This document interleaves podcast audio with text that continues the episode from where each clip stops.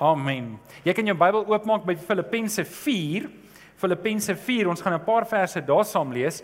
Filippense 4. En ehm um, ons is besig met ons reeks wat gaan oor die vrug van die Gees. Nou, daar is nog Bybelstudieboekies oor. So as jy nog nie gekry het nie, jy kan by die tafel kry. Het julle almal julle geheue tekste gekry vir die week? Is dit op jou stoel? Dit sal ook by die info tafel wees as jy dit gemis het. En ehm um, En so ons is besig met met hierdie reeks en ek dink wat ons vir mekaar moet sê, hierdie reeks gaan meer oor die Heilige Gees se werking as wat dit gaan oor die vrug van die Gees as sulks. Ek dink terwyl ons deur die vrug van die Gees werk, gaan ons dalk iets leer van God se hart van die Heilige Gees wat in my en jou is. Nou nou moet ek net eers dit uitklaar. Jy kan net die Heilige Gees in jou hê as jy Jesus Christus aangeneem het. So as jy vanoggend hier sit en jy weet nie of jy 'n kind van die Here is nie, jy weet nie, dan is dit dalk waarskynlik dat jy nie is nie.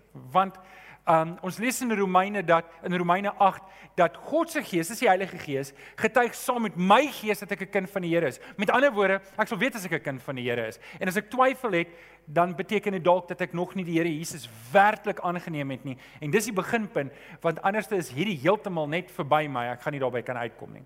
So Ons is besig met die vrug van die Gees en ek dink wat ons dalk vir mekaar moet sê, die Heilige Gees het 'n geweldige sterk agenda met jou. Hy het 'n agenda met jou en en as ek en jy verstaan wat die Heilige Gees se agenda is in my lewe, dan gaan dit baie makliker wees om saam te werk. Stem julle saam? As ek weet wat die plan is, dan is dit baie makliker om met die plan te bly. En ek dink baie mense werk nie saam met die Heilige Gees in hulle lewe nie, nie omdat hulle nie omdat hulle weet kom ons sê soos 'n donkie is wat steeks is nie, maar bloot net omdat hulle nie genoeg tyd in die woord van die Here spandeer om te weet wat die agenda is nie. So net om daai teksvers vas te maak in 1 Tessalonisense 5 vers 19 sê moenie die werking van die Heilige Gees, moenie die werking van die Heilige Gees teëstaan nie. So ek en jy moet doelbewusse plan maak om te weet wat is dit wat God deur die Heilige Gees in my lewe wil regkry. Stem julle saam? En daardie agenda is om jou en my meer te maak soos Jesus. Johannes 3 vers 30 is een van my gunsteling teksverse wat ek gereeld bid. Here, maak dat Jesus meer is in my lewe en ek minder is. In Romeine 8 vers 29 staan baie duidelik. Hy, dis God het ons bestem om gelykvormig te word aan die beeld van sy seun. So, sê net vir jou langs aan, jy's bestem om meer te word soos Jesus. So ek en jy moet Jesus se karakter ontwikkel en dit is waar die vrug van die Gees gaan. Nou Karen, waar's Karen? Is Karen vanoggend hier? Karen Woodward, sy's nie hier nie. Sy het my laasweek gewys dat dit actually 'n narkie is en dis nie 'n lemoenie. So die van julle wat skerp is, het dit dalk agtergekom. Julle dis die enigste uh, prentjie wat ek kon kry wat skyfies het want al die lemoene is middeldeur gesny. So maar die die punt is net die vrug van die gees is liefde. En as jy liefde vat soos 'n narkie en jy skil dit af, dan kry jy wat binnekant. Jy kry die skyfies en hierdie skyfies is waarna ons vandag waarna waarna ons besig is om te kyk. En die eerste daarna kyk ons ver oggend van, maar wat jy moet verstaan is die vrug in itself is die liefde en dis wat God deur die Heilige Gees in my en jou lewe wil ontwikkel want so lief het God die wêreld gehad. So lief het God die kosmos gehad. So lief het God vir jou en vir my gehad dat hy sy seun gestuur het om in die kruis te sterf. In 1 Johannes 5 lees ons God is liefde. So hoe gaan God sy liefde vir die wêreld wys? Deur om my en jou meer en meer te maak soos Jesus. Maak dit sin? So ons het laasweek vir mekaar gesê liefde wen altyd en dit gaan eerstens oor ons verhouding met die Here, nê, nee, met God, want dis waar dit begin en dan ook gaan dit oor my verhouding met my medemens. Ek kan nie sê ek het God lief as ek doelbewus aksie neem om nie my medemens lief te hê nie. Stem julle saam met daai? As ek sê, luister, ek kan daai ou nie verdra nie, het ek mos nie Jesus se hart nie. Stem julle saam? As ek doelbewus 'n besluit neem, ek gaan van hierdie mense nie hou nie, want hier's my redes, dan beteken dit daar's te veel van myself in my lewe oor en Jesus kan nie uitkom nie. Die Heilige Gees word terughou. OK, nou met dit gesê. Hallo Chris. Welkom jy my TV gebring. Jy werk agter die skerm sien ek. Dankie Chris. OK, so ons kom vandag by vreugde wat die eerste skyfie is. En ek wil 'n bietjie met julle praat oor vreugde en ehm um, voordat ons die teks gedeelte lees, gaan ek eers nou 'n bietjie met julle praat. Ek wil ek bied dit so 'n bietjie aan soos 'n kursus ook. As ek klaar is met julle, gaan julle almal Grieks kan praat.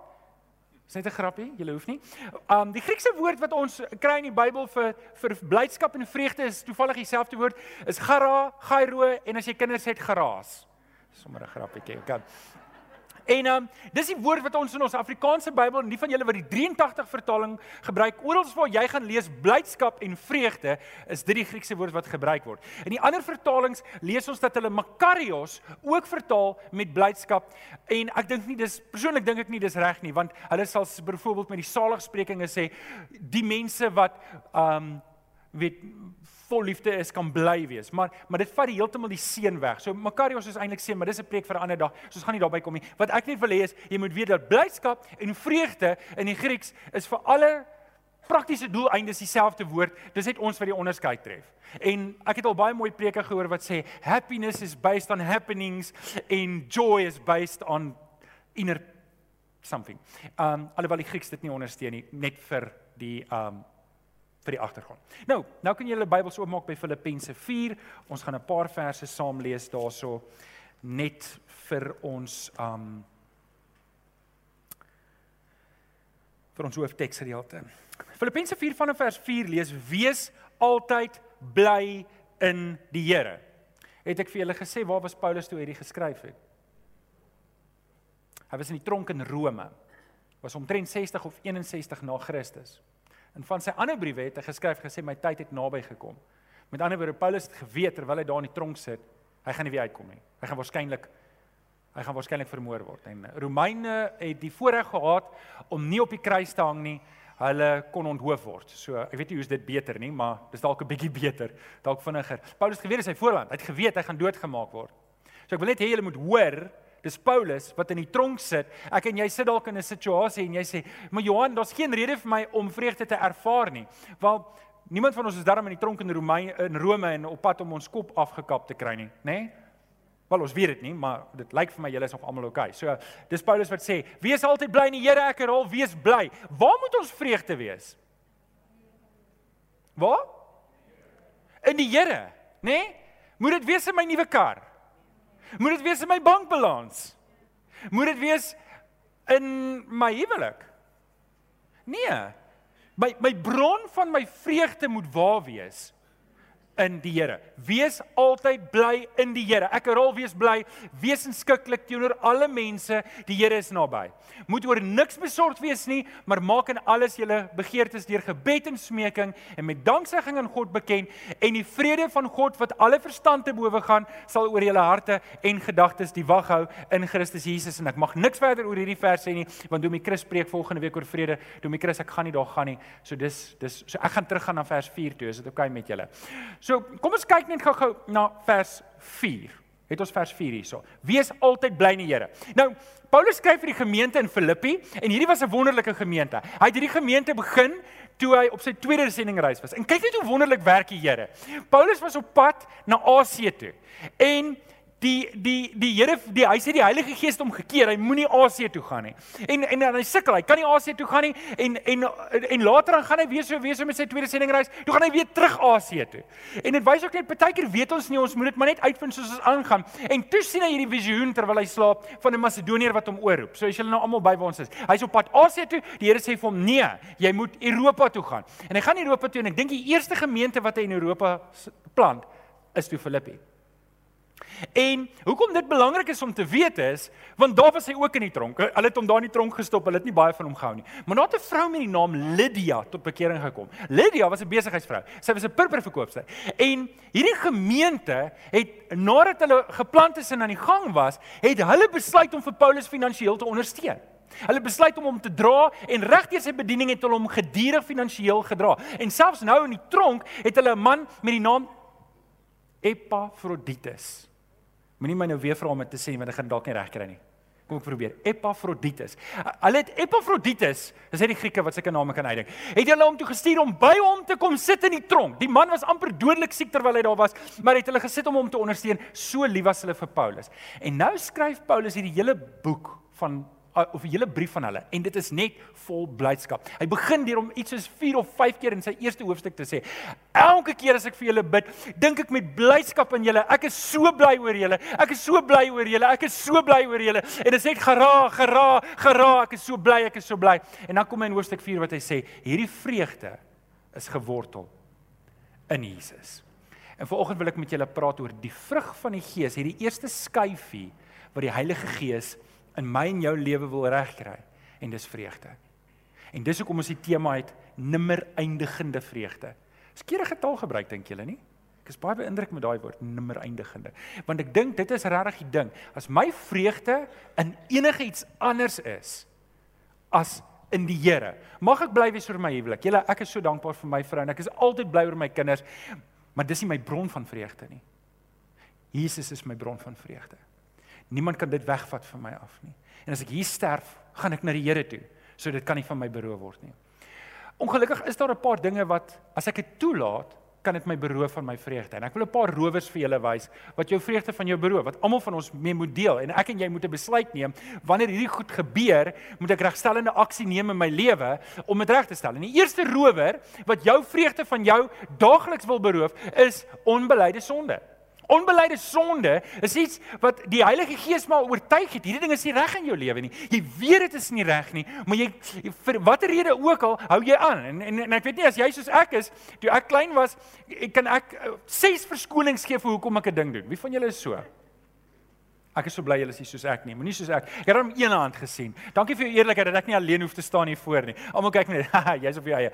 Um so onbeleide sonde is seker die grootste rower van vreugde want jy doen presies wat die Heilige Gees nie wil hê jy moet doen nie. Die Heilige Gees wil vreugde in jou bewerk hy wil vir jou vreugde gee en jy doen juis dit wat die Heilige Gees nie wil hê jy moet doen. Maak dit sin? Dis die eerste rower. Nou van hierdie ander gaan ook in daai kant gaan maar van dit nie. So, is jy reg vir die volgende? So eerste rower is onbeleide sonde. Wat moet ek doen? Ek moet my sonde bely. Ons gaan nou-nou daarby kom. Die tweede groot rower in my lewe is spyt. Want sien almal van ons het 'n verlede. Wie van julle as jy terugdink oor jou verlede, is daar goed waar jy nou nie so trots is nie. Ja, dankie vir daai hande. um, dit's goed wat en En ongelukkig spyt dit te doen met die verlede. Ek kan niks daan doen nie, maar ek so spyt daaroor en hoe meer ek daaraan dink, hoe is ek spyt daaroor en ek en ek is gereeld besig om myself te na te kom en myself af te praat en te sê jy's so sleg. Weet jy, Rickert het eendag so mooi gesê, luister ek het vir jou goeie nuus. Jy's nie so sleg soos wat jy dink jy is nie. Jy's veel slegter. Onthou julle daai. Met ander woorde, ons moet gaan oor spyt, dis die antitesis van Jesus se bloed. Amen. Dis die antitesis. Jesus gekom om ons van ons ver, ver, verlede te verlos en nou staan ek en ek is so jammer oor my verlede en ek is spyt. Natuurlik, as dit tyd om jammer te wees en berou te en daarvan te laat gaan, maar as ek opgestaan het in Christus, dan he will make a message out of my mess. Amen. So dit word dan deel van my getuienis. Ek is nooit trots op my verlede nie, maar ek is dankbaar daaroor en dit word deel van my getuienis. So spyt. So spyt het te doen met die verlede. Die volgende een is bekommernis. Waar spyt te doen gehad het met die verlede, het bekommernis te, te doen met die toekoms. Ek worry. Ek is bekommerd oor goed wat gaan gebeur. Ek worry omdat dinge nie uitgaan werk soos wat ek wil hê dit moet uitwerk nie. Ek is ge-worried oor my kinders. Sorry, dis nou Google wat my nou gehoor het en nou wil hulle net vir my opinie gee op my preek. Um Waar was ek nou? Bekommernis. So, daar's twee goed wat jy moet weet van van bekommernis. Ons is baie keer bekommerd oor goed wat ons A of niks aan kan doen nie of B dalk nooit gaan gebeur nie. Maar ek worry daaroor. Ek is so ge-worried. Sê nou en en weet jy wat veral wanneer dit kom by ons gesondheid. Nou wag ek dat die dokter my bel. En is dit nie so dat daai 24 uur wat die dokter kans het om my te bel, voel soos 24 jaar nie? En vir daai 24 uur raak ek sommer 50 jaar ouer omdat ek wag vir die oproep. En en dan weet wat wat het jou worry jou nog gehelp? Dit help jou nie. Al wat dit doen is dit beroof jou van jou vreugde wat die Heilige Gees vir jou wil gee natuurlik is daar een wat daarop volg en dis vrees. My bekommernis vloei oor na vrees en en en wanneer ek my oorgee vir bekommernis, dan is dit die volgende een en en dis eintlik hier is hier is eintlik as ek Engels mag gebruik 'n big deal want baie van ons vrees en ek het net gedink dalk sit jy hier en en en jy vrees vir die re, vir die lewe vir die toekoms vir wat ook al en en is erg. Die Here wil vir jou verlos daarvan want dit bring nie eer vir die Here nie. Dis 'n groot vreugde rower in jou lewe. Maar as ek net een tree kan teruggaan, dalk vrees jy regtig vir jou lewe want jy's in 'n verhouding wat jou lewe in gevaar is. Dan moet jy jou hand opsteek. Dan moet jy jou hand opsteek. Nie nou nie, maar ek bedoel jy moet by Domie Chris uitkom en jy moet hulp kry Jy kan nie jy kan nie so lewe nie. Dis nie wat die Here vir jou wil hê nie. OK, so vrees. Dan ontevredenheid. Hierdie is seker een wat ons die meeste mee kan sukkel want ons is in 'n westerse samelewing, ons is kapitalisties en en ons is gewoond aan baie goeie goed en ons wil meer van dit hê en dit kan maak e, eintlik ontevredenheid is nie die regte woord nie. Die oorspronklike woord wat ek ingehaal het is onvergenoegdheid. Dis 'n gesindheid van ontevredenheid. Man, ek is net nie happy met my lewe nie. Ek is net nie happy met my lewe nie. Dinge is nie soos wat ek dit wil hê nie. Ek is nie happy met my kar nie. Ek is nie happy met my huwelik nie. Ek is nie happy met my werk nie. Ek is nie happy met my geld nie. En en daai ontevredenheid is dit teenoorgestelde van dankbaarheid en beroof my van my vreugde. En en baie van ons sit daarmee. Ek leef met hierdie konstante onvergenoegdheid van my lewe. En en dit beroof my van my vreugde in die Here. En en die volgende een wat uit dit uitkom is is materialisme. Is dat ek is so lief vir die goud en die silwer en die blink van hierdie wêreld dat ehm um, dat die Here se dinge doen dit nie vir my nie. Want die Here se boodskap is nederigheid en ek hou nie van daai boodskap nie. Die Here se boodskap is om nie skatte bymekaar te maak nie en ek hou van die skatte. En hier's die probleem met die aardse skatte. Sins ek 'n kind van die Here is, dan kan ek skatte hê en en dit doen niks aan my karakter nie. Maar wanneer ek my skatte begin jaag, dan s'ek weg van die Here af en dan verloor ek my vreugde. 'n Volgende een, 'n belangrike een is negativiteit. Negativiteit sommer net oor die algemeen, negativiteit teenoor ons land, negativiteit teenoor ons regering. Negativiteit, dit dit beroof jou van jou vreugde. Die Here wil nie hê jy moet die hele tyd negatief wees oor alles nie. Want as jy negatief is, hoe gaan jy die evangelie verkondig? Die evangelie is die Griekse woord evangelos. Weet jy wat sê evangelos? Wie wie weet wat beteken dit in Afrikaans as jy dit oorvertaal? Dis goeie nuus. Kom ek vertel vir julle van hierdie goeie nuus. Hierdie land is in sy chops in, maar ek het goeie nuus vir julle. Negativiteit beroof jou van jou vreugde. Dan die volgende ene wat daar bou is 'n kritiese houding. Nou, kom ek gee eers 'n vrywaring. Daar's baie van julle wat krities analities is. Ek het baie kritiese analitiese vriende. Hulle vra die moeilike vrae wat ek nie vra nie. Ek is nie krities analities nie. Ek is so 'n half en half. Julle kom ons spring op die wa en ons figure dit uit soos dit aangaan. Wie van julle is so? Ek ek maak nie saak jy kan vir my vir elke negatiewe rede wat jy vir my kan gee, kan ek vir jou 10 positiewe redes gee van die staanspoor af. Hulle hoef nie sin te maak nie, dit maak nie saak nie. Um maar dis goeie redes wat ek kan uitdink vir jou. maar kritiese analitiese ouens is goed. Dis nie dis nie sleg nie en dis nie waarvan ek hier praat nie. 'n Kritiese houding is negativiteit wat amper soos wat vrot geraak het. Jy weet net om krities te wees en almal af te praat en niemand of niks is ooit goed genoeg nie. Nommer 9 is um om jou te vergelyk met ander. Keep up with the Joneses. Dit beroof jou vreugde vinnig, want want daar's twee redes hoekom dit jou van jou vreugde sal beroof. Eerstens, as ek kyk na my buurman en sê sy boot is nie so groot soos my boot nie. Ha ha ha. ha. Wys ek hom nou. En dit bring trots mee. Dit bring trots in jou hart en jy's trots op iets wat jy nie gekry het nie. Ek en jy het maar net wat die Here vir ons gegee het. As jy nie jou intellek gehad het nie, as jy nie die geleenthede gehad het nie, goed, alles buite jou beheer. Jy dalk gekapitaliseer daarop uit die genade wat die Here vir jou gegee het, maar niks wat ek en jy het is omdat ons so grand is nie. Dis genade. So ons kan nie trots wees daarop nie. En die ander kant dan, as ek minder het, dan is ek nie dankbaar oor wat ek het vir wat die Here vir my gegee het nie. Moenie jouself vergelyk nie. En dan die laaste ene is uitbranding. sien ons niks so mooi om te werk en hard te werk nie. Die Here het ons gemaak om hard te werk. Die Here het jou gemaak om en as jy hard werk en jy werk eerlik en jy kry 'n eerlike salaris, dan prys ek die Here saam vir jou. Maar baie keer kan jou werk van jou meer vereis of die lewe kan van jou meer vereis. En baie van ons is dalk baie naby aan uitbranding en en dit bring nie eer aan die Here nie en dit beroof jou van jou vreugde. En jy moet jou batterye laat herlaai in Jesus. OK. So. Dit was my inleiding. Nou kan ek seker begin preek, nê. Nee. Hoe herstel ek my vreugde in Jesus? Hoe herstel ek? Ek het nou gehoor, ek moenie die werking van die Heilige Gees nie. Die Heilige Gees wil vrug in my lewe en deel van daai vrug is vreugde. Hoe herstel ek dit? Nou gaan vir jou 'n paar maklike maniere gee. Hier is 'n baie praktiese boodskap net om te sien. Onthou net nê, kom ek sê dit net gou-gou so. Vreugde kom spontaan in my lewe as ek die werking van die Gees toelaat. Maak dit sin? Vreugde is iets wat ek moet najag. OK, kom ek sit nou by die sitkamertafel en nou gaan ek bly wees. Dit werk nie so nie. Dis die werking van die Gees en ek moet saam met hom werk. Hoe werk ek saam met die Heilige Gees? Wel nommer 1 ek maak opnuut 'n toewyding. Want baie keer het ek myself so en dit ek bedoel nie jy het nou gegaan en gesê wêreld wees ek vat my en en dan gaan jy saam met die wêreld nie. Dit gebeur stukkie vir stukkie. Ek moet nog 'n bietjie werk. Ek is in my middeljare. Ek moet my besigheid nou opbou. Ek moet my werk opbou. Ek moet my beroep opbou. Ek moet die volgende tree op die leer gee en en voordat jy jouself kry, is jy so verstrengel in die lewe dat jou toewyding aan Jesus het verslap. En en en dis wat ek en jy moet herstel. En 1 Timoteus 4 uh 1 Timoteus 4 vers 7 tot 8. Hoor hoor net hierdie mooi verse. En ek wil ek wil hier 'n bietjie stil staan. Oefen jou liewer om in OK, so daai deel waar ek stil bly is waar jy die antwoord moet gee. Maak dit sin? Kom ons kyk of dit kan gaan. Oefen jou liewer om in toewyding aan die Here te lewe. Om jou liggaam te oefen het wel 'n bietjie waarde, net 'n bietjie. Dis hoekom ons die plek toegemaak het en 'n kerkie ingesit het.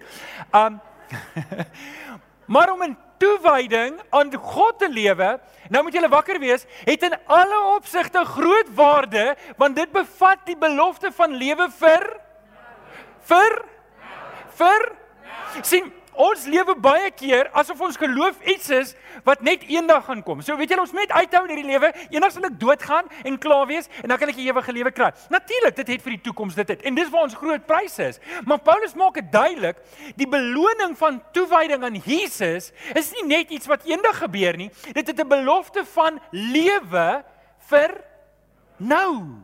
So wat ek wil hê jy moet verstaan is, die Here wil jou nou seën. Hy wil vir jou nou seën. Ek gaan vir julle baie verse gee. En ek weet Jeremia 29 vers 11 klink soos hierdie tipiese prosperity gospel. Maar kom ek gee dit in elk geval vir jou wat die Here vir die volk sê terwyl hulle in hulle ellende sit, terwyl hulle onder die straf leef vir hulle oesman net wat hulle gesaai het, sê die Here vir hulle, ek weet wat ek vir julle beplan sê die Here. Ek wil vir julle voorspoed en nie teëspoed nie. Ek wil vir julle 'n toekoms gee, 'n verwagting. Ek glo met my hele hart dis wat die Here vir ons begeer. Ek glo dit. Dis hoekom ons met vreugde kan lewe. Ek lewe met 'n verwagting. Ek leef nie met hierdie hele ding van o, ek sê bang 'n dak val op my en dan se klaar nie. Nee, ek lewe met guts in hierdie lewe. En ek lewe met toewyding aan die Here want ek weet dis waar my lewe is. Amen. Nog een en dis Jesus se eie woorde in Johannes 10 vers 10. 'n Dief kom net om te steel en te slag en uit te roei. Maar ek het gekom om vir julle lewe te gee en lewe in Oorvloed. Nou hoorie, dit gaan nie oor rykdom nie en ek dink ek en jy moet dit mooi verstaan. Jesus het baie duidelik gemaak ons moet juis nie vir ons skatte bymekaar maak nie want dit trek ons aandag van die groter plan af. Nou as ek skielik die Here wil hê ek moet my aandag sit op sy dinge, nou is my aandag by my skatte. En die van julle wat 'n portfolio het van wat ook al, um, as jy Bitcoin het, dan heeltyd ry jy rollercoaster. Die van julle wat nie weet waarvan ek praat nie, julle is veilig, hoor. Punt net wat ek wil maak is Daar waar jy waar jou skatte is, gaan jou hart wees. En as Jesus jou skat is en jy's toegewy, jy lewe in toewyding aan Jesus, dan gaan jy vreugde ervaar. En dis hoekom ons hier begin. Jy begin hier want die belofte is vir die lewe vir nou ook. Natuurlik is dit vir die toekoms, maar is vir nou ook. Sê net vir die ou langs, die belofte vir lewe is vir nou. Dankie Tannie Susan, dis vir nou. Ons dit is vir nou. Okay, so maak op nie te toewyding. En ek wil jou uitdaag as jy as jy weet jy het 'n bietjie afgekoel, jy weet jy het 'n bietjie lou geraak en jy's 'n bietjie koud, dan wil ek jou uitdaag om vandag weer vir die Here te sê, Here, ek het ek het hierdie wêreld begin volg en die wêreld gee nie vir my vreugde nie. Ek wil net weer 'n nuwe toewyding maak aan U. Nommer 2. Bely jou sonde eerlik. Ek dink ons sê dit te min vir mekaar. In um, 1 Johannes 1 vers 9 sê Johannes, as ons ons sondes bely, hy is getrou en regverdig, hy vergewe ons ons sondes en hy reinig ons van alle ongeregtigheid. Nou, kom ons staan net eers 'n bietjie stil met hierdie by hierdie vers. As ons ons sondes bely. Nou, baie keer word ons verstrengel in sonde. En ons het klaar vir mekaar gesê dis een van die groot redes hoekom ons nie vreugde het nie, is want die Heilige Gees oortuig my en jou van sonde en dan wat doen ek? Ek gee vir die Heilige Gees die goeie redes hoekom ek hierdie sonde behoort te en mag te en kan te doen. Is dit net ek wat dit doen? Paar van julle sê ja. Paar van julle sê nee. Hulle gaan my fire. en en en en dan solank ek met die Heilige Gees uh, stoei oor hierdie punt, So lank gaan ek sukkel om vreugde te beleef want want vreugde is iets wat ek het omdat ek gehoorsaam is aan God. En daarom wanneer ek nie gehoorsaam is nie, is dit die plek waar ek moet begin. Ek moet bely, ek moet sê Here, hierdie ding wat ek besig is om te doen is verkeerd. En ek moet dit nie net bely nie, ek moet dit laat staan. Ek moet dit stop. Ek kan nie aangaan met daai pad nie. Nou, 'n paar van ons loop en partykeer as jou verhaal maar 'n loop en val, loop en val, loop en val. Maar solank jy vorentoe loop en val saam met die Here, is ek saam met jou. Solank jy, hoorie, maak nie saak hoeveel keer jy val nie. Maak nie saak hoeveel keer jy val nie. Maak saak dat jy elke keer opstaan en vir die Here sê, Here, met 'n eerlike hart, ek gaan oorwinning kry. En dalk sit jy met sonde wat hardnekkig is in jou lewe. Ek wil vir jou nou sê, as jy regtig dit 'n gebedsaak gaan maak, jy kom voor die Here en jy bely dit en jou intensie in jou hart is eerlik voor die Here. Ek praat nie baie mense kom net en sê, "Ag Here, ek sê jammer vir my sonde. U weet ek's maar net 'n sondaar. Ek gaan maar net aan met my lewe." Ek praat nie van daai nonchalant houding van, "Ag Here sal my net weer vergewe nie." Ek praat van 'n ernstige liefdesverhouding met die Here en sê Here, ek weet hierdie ding is nie reg vir U nie en ek sukkel en ek weet U wil vir my help. Die kruis van Jesus was genoeg vir my en ek kan oorwinning kry. Ek gaan oorwinning kry en jy gaan elke keer as jy val, gaan jy opstaan en sê Here, help vir my. Amen. OK, so ons moet ons sonde bely. sien, kom ek gaan net 'n treukie terug wanneer dit kom by by sonde in ons lewe. Ek kan nie verwag om die voordele van die Gees in my lewe te beleef as ek nie die werking van die Gees in my lewe toelaat nie. Maak dit sin? Ek kan nie ek kan nie verwag dat die Here my gaan seën met vreugde as ek nie bereid is om die pad te stap wat die Here vir my gee nie. En dis hoekom dit belangrik is dat ons moet skoonmaak. Ek moet voor die Here kom en sê Here, wat is daar tussen U en my? Wat is dit wat ek vashou en doen wat nie reg is vir U nie? Ek wil dit laat staan. Want U verhouding, my verhouding met U is vir my belangriker as enigiets anders op die aarde. Is dit waar in jou lewe? Wil jy dit saam met my bely? Hierdie is 'n belydenis en gebed. Sê saam met my: Here, my verhouding met U is belangriker as enigiets anders. Dis 'n gebed wat ek en jy bid om oorwinning te kry oor sonde. Alraai, nommer volgende. Tel jou seëninge. Tel jou seëninge. Aldo, daar's 'n boekie daar waar daar is. Wil jy hom nie vir my bring nie? Sorry Aldo, dan gaan jy op internasionale TV wees. Tel jou seëninge. Dawid sê in Psalm 40 vers 6. Dankie Alno. Nee nee nee nee, sorry, die ander ene daar in daai boks, die type X ene. Um Dawid sê in Psalm 40 vers 6: Here, my God, U het baie wonderlike dinge gedoen. U jy's bang vir die teer sê, nê? Lees hom saam met my. Here, my God, U het baie wonderlike dinge gedoen. U dink altyd aan ons. Daar is niemand soos U nie. Ek sou daarvan wou vertel en daaroor wou praat, maar dit is te veel vir my om op te noem. Nou, kom ons staan net eers stil op hierdie vers vir 'n oomblik van tel jou seëning. Hy, hy begin hier om te sê, Here, my God, U het baie wonderlike dinge gedoen. Ek dink ons maak te min tyd om stil te sit en te dink aan die wonderlike dinge wat die Here gedoen het in my lewe. Ek ek, ek leef teen so hoë spoed na die volgende hoog in my lewe dat ek vergeet om terug te kyk en te sê Wow, Here, kyk net na hierdie berge vanoggend. Kyk na die na die ons was gister by 'n troue en dit was eintlik so wonderlik dat die reën het hierdie hele week geval en Vrydag het dit nie gereën nie en ons het 'n buitelug troue gehad gister en ons het so uitgekyk oor die hele Parelvlakte in die vallei daar en dit was dit was net asemrowend en ek het daar gestaan, Kenne was ook daar en ek het gedink, "Wow, Dis wat die Here gemaak het. Dis wat die Here gemaak het. Ons is baie keer so vinnig aan die lewe dat ons die Here se wonderlike dinge mis. Ek wil jou vra, gaan sit 'n bietjie stil in jou lewe. Ek gaan neem kennis van die Here se wonderlike dinge. Sal jy dit probeer doen? Nou, hy gaan verder, hy gaan verder. Hy gaan sê, daar's niemand soos U nie. Ek sou daarvan wou vertel. Ek dink dis 'n verantwoordelikheid wat ons het. Dit klink so asof asof Dawid dit sê, hoorie, Here, ek wou daarvan vertel het, maar toe gaan doen ek dit nie. Maar hy het, want hy het dit neergeskryf en ons praat nou van wat hy geskryf het. So, so dan moet ook 'n aksie wees dat ons teenoor mekaar getuig. Ons moet teenoor mekaar getuig. Ek dink ons praat te min teenoor mekaar. Ek ek moet hoor dat jy beleef die Here se goedheid. Ek moet dit hoor by jou dat jy sien ook die Here se dinge raak. Want onthou, baie keer is ek op 'n slegte plek in my lewe en en ek het nodig dat jy vir my herinner aan die Here se goedheid.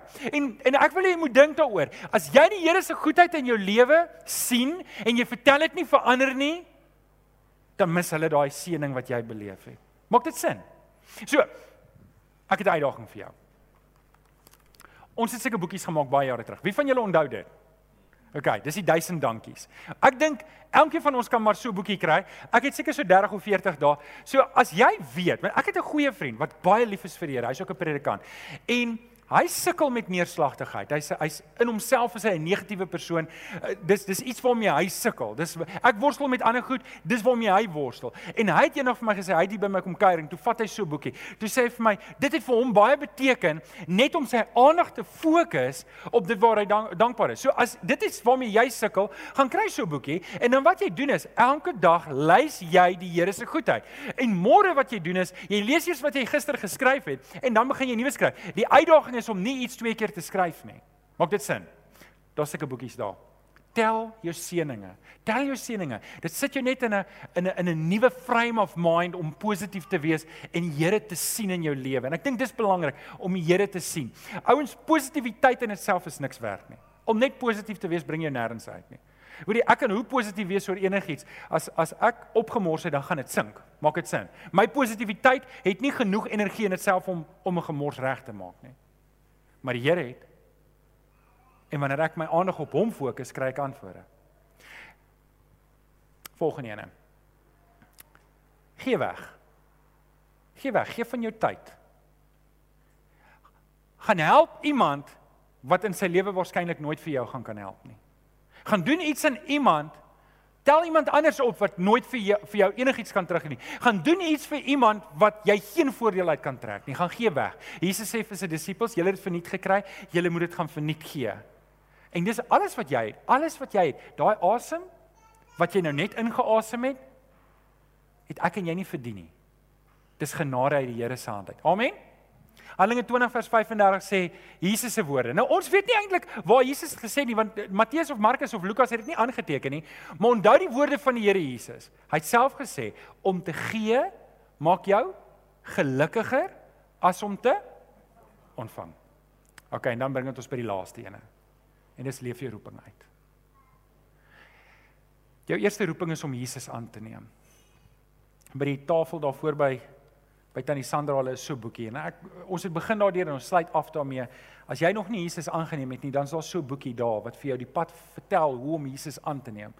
En en dis die beginpunt. Vandag se boodskap sou vir jou niks kan beteken nie want dit is iets wat jy uit jou eie krag uit kan doen nie. Dis iets wat jy die Heilige Gees se werking in jou lewe moet vertrou. Efesiërs 4 vers 1 sê: Laat julle lewenswandel in ooreenstemming wees met die roeping wat julle van God ontvang het. Ons het 'n roeping ontvang in hierdie lewe om voluit vir Jesus te lewe. En wanneer ek my roeping uitleef, dan beleef ek die vreugde van die Here. Dis dis dis dit dis vir jou wonderlik om te sien dat die Here werk. Jy weet, ken of hulle in die orkes kom staan hier voor en in wanneer hulle hulle roeping uitleef om om ons as gemeente te lei in aanbidding. Dis hoekom hulle vreugde het. Het julle al die vreugde op hulle gesigte gesien? Weet party van hulle konsentreer ernstig as hulle speel. Ek bedoel, weet ek weet dit is normaal. Maar um, dis lekker om hulle te sien aanbid want ek sien die vreugde. Ek sien Jesus in hulle lewe. En ouens, wanneer ek en jy ons roeping wat die Here vir ons gegee het uitleef, dan beleef mense die vreugde. Daai vreugde loop oor na hulle toe. Dis die werking van die Heilige Gees in ons lewe. En ek en jy moet dit nie teëstaan nie. Ek wil jou ek wil jou vra om saam met my te staan. Ons gaan hierdie vers weer lees in 1 Tessalonisense 5 vers 19. Staan saam met my op. Staan saam met my op. Ons lees hom Ons gaan hom so twee keer deurlees in 1 Tessalonisense 5 vers 9 19. Lees hom saam met my. 1 2 3. Moenie die werking van die Heilige Gees teëstaan nie. Die Heilige Gees wil vreugde in jou lewe bewerk. Die Heilige Gees wil gaan identifiseer daai rowers in jou lewe en werk dit uit. Kry dit uit jou lewe uit. Kom ons lees hom saam. 1 2 3. Moenie die werking van die Heilige Gees teëstaan nie. Jy weet waar jy teen die Heilige Gees werk op hierdie stadium. Moet dit nie doen nie. Dis tot jou eie nadeel. Wie van julle sê ek wil die vreugde van die Here beleef? Sê amen. Amen. Ons wil. Kom ons lees hom nog eenmaal. Moenie die werking van die Heilige Gees teëstaan nie. Kom ons bid saam. Vader, ons wil nie die werking van die Gees teëstaan nie. Ons weet Here dat een van die resultate van die werking in ons in ons lewe, u Gees se werking in ons lewe is vreugde. En Here ons ons daar's nie eens twyfel daaraan nie. Dis hoe dit sal wees. Here kom help vir ons dat dat ons het nou daai rowers gehoor en dis maar net 10 van dit. Here waar ons toelaat dat die vyand ons beroof van vreugde. Kom help vir ons Here dat ons werklik gehoorsaam sal wees aan die Gees en u leiding sal volg. Want dis wanneer ons vreugde ervaar wat ons mense na ons toe trek. Here, dis wanneer ons hierdie vreugde wat gewortel is in u, wanneer mense Jesus in ons sien en dan dit aantreklik vind. Dit trek hulle na u toe. Here, kom help vir ons vanoggend om te besef dat as ek nie vreugde in my lewe het nie, trek ek niemand na Jesus toe nie. En Here dat daar's daar's geen rede so groot dat ek kan sê dit wat Jesus aan die kruis gedoen het was nie genoeg vir my om blydskap en vreugde te beleef nie want ek het hierdie probleem. Kom oortuig ons Here sodat ons Jesus kan uitleef in vreugde in hierdie wêreld dat hulle kan sien daar's werklik iets anders in ons lewens. Ons bid dit in Jesus naam. Die kinders van die Here sê Amen. Kom ons sing saam met Kenneth hulle. Dankie Kenny.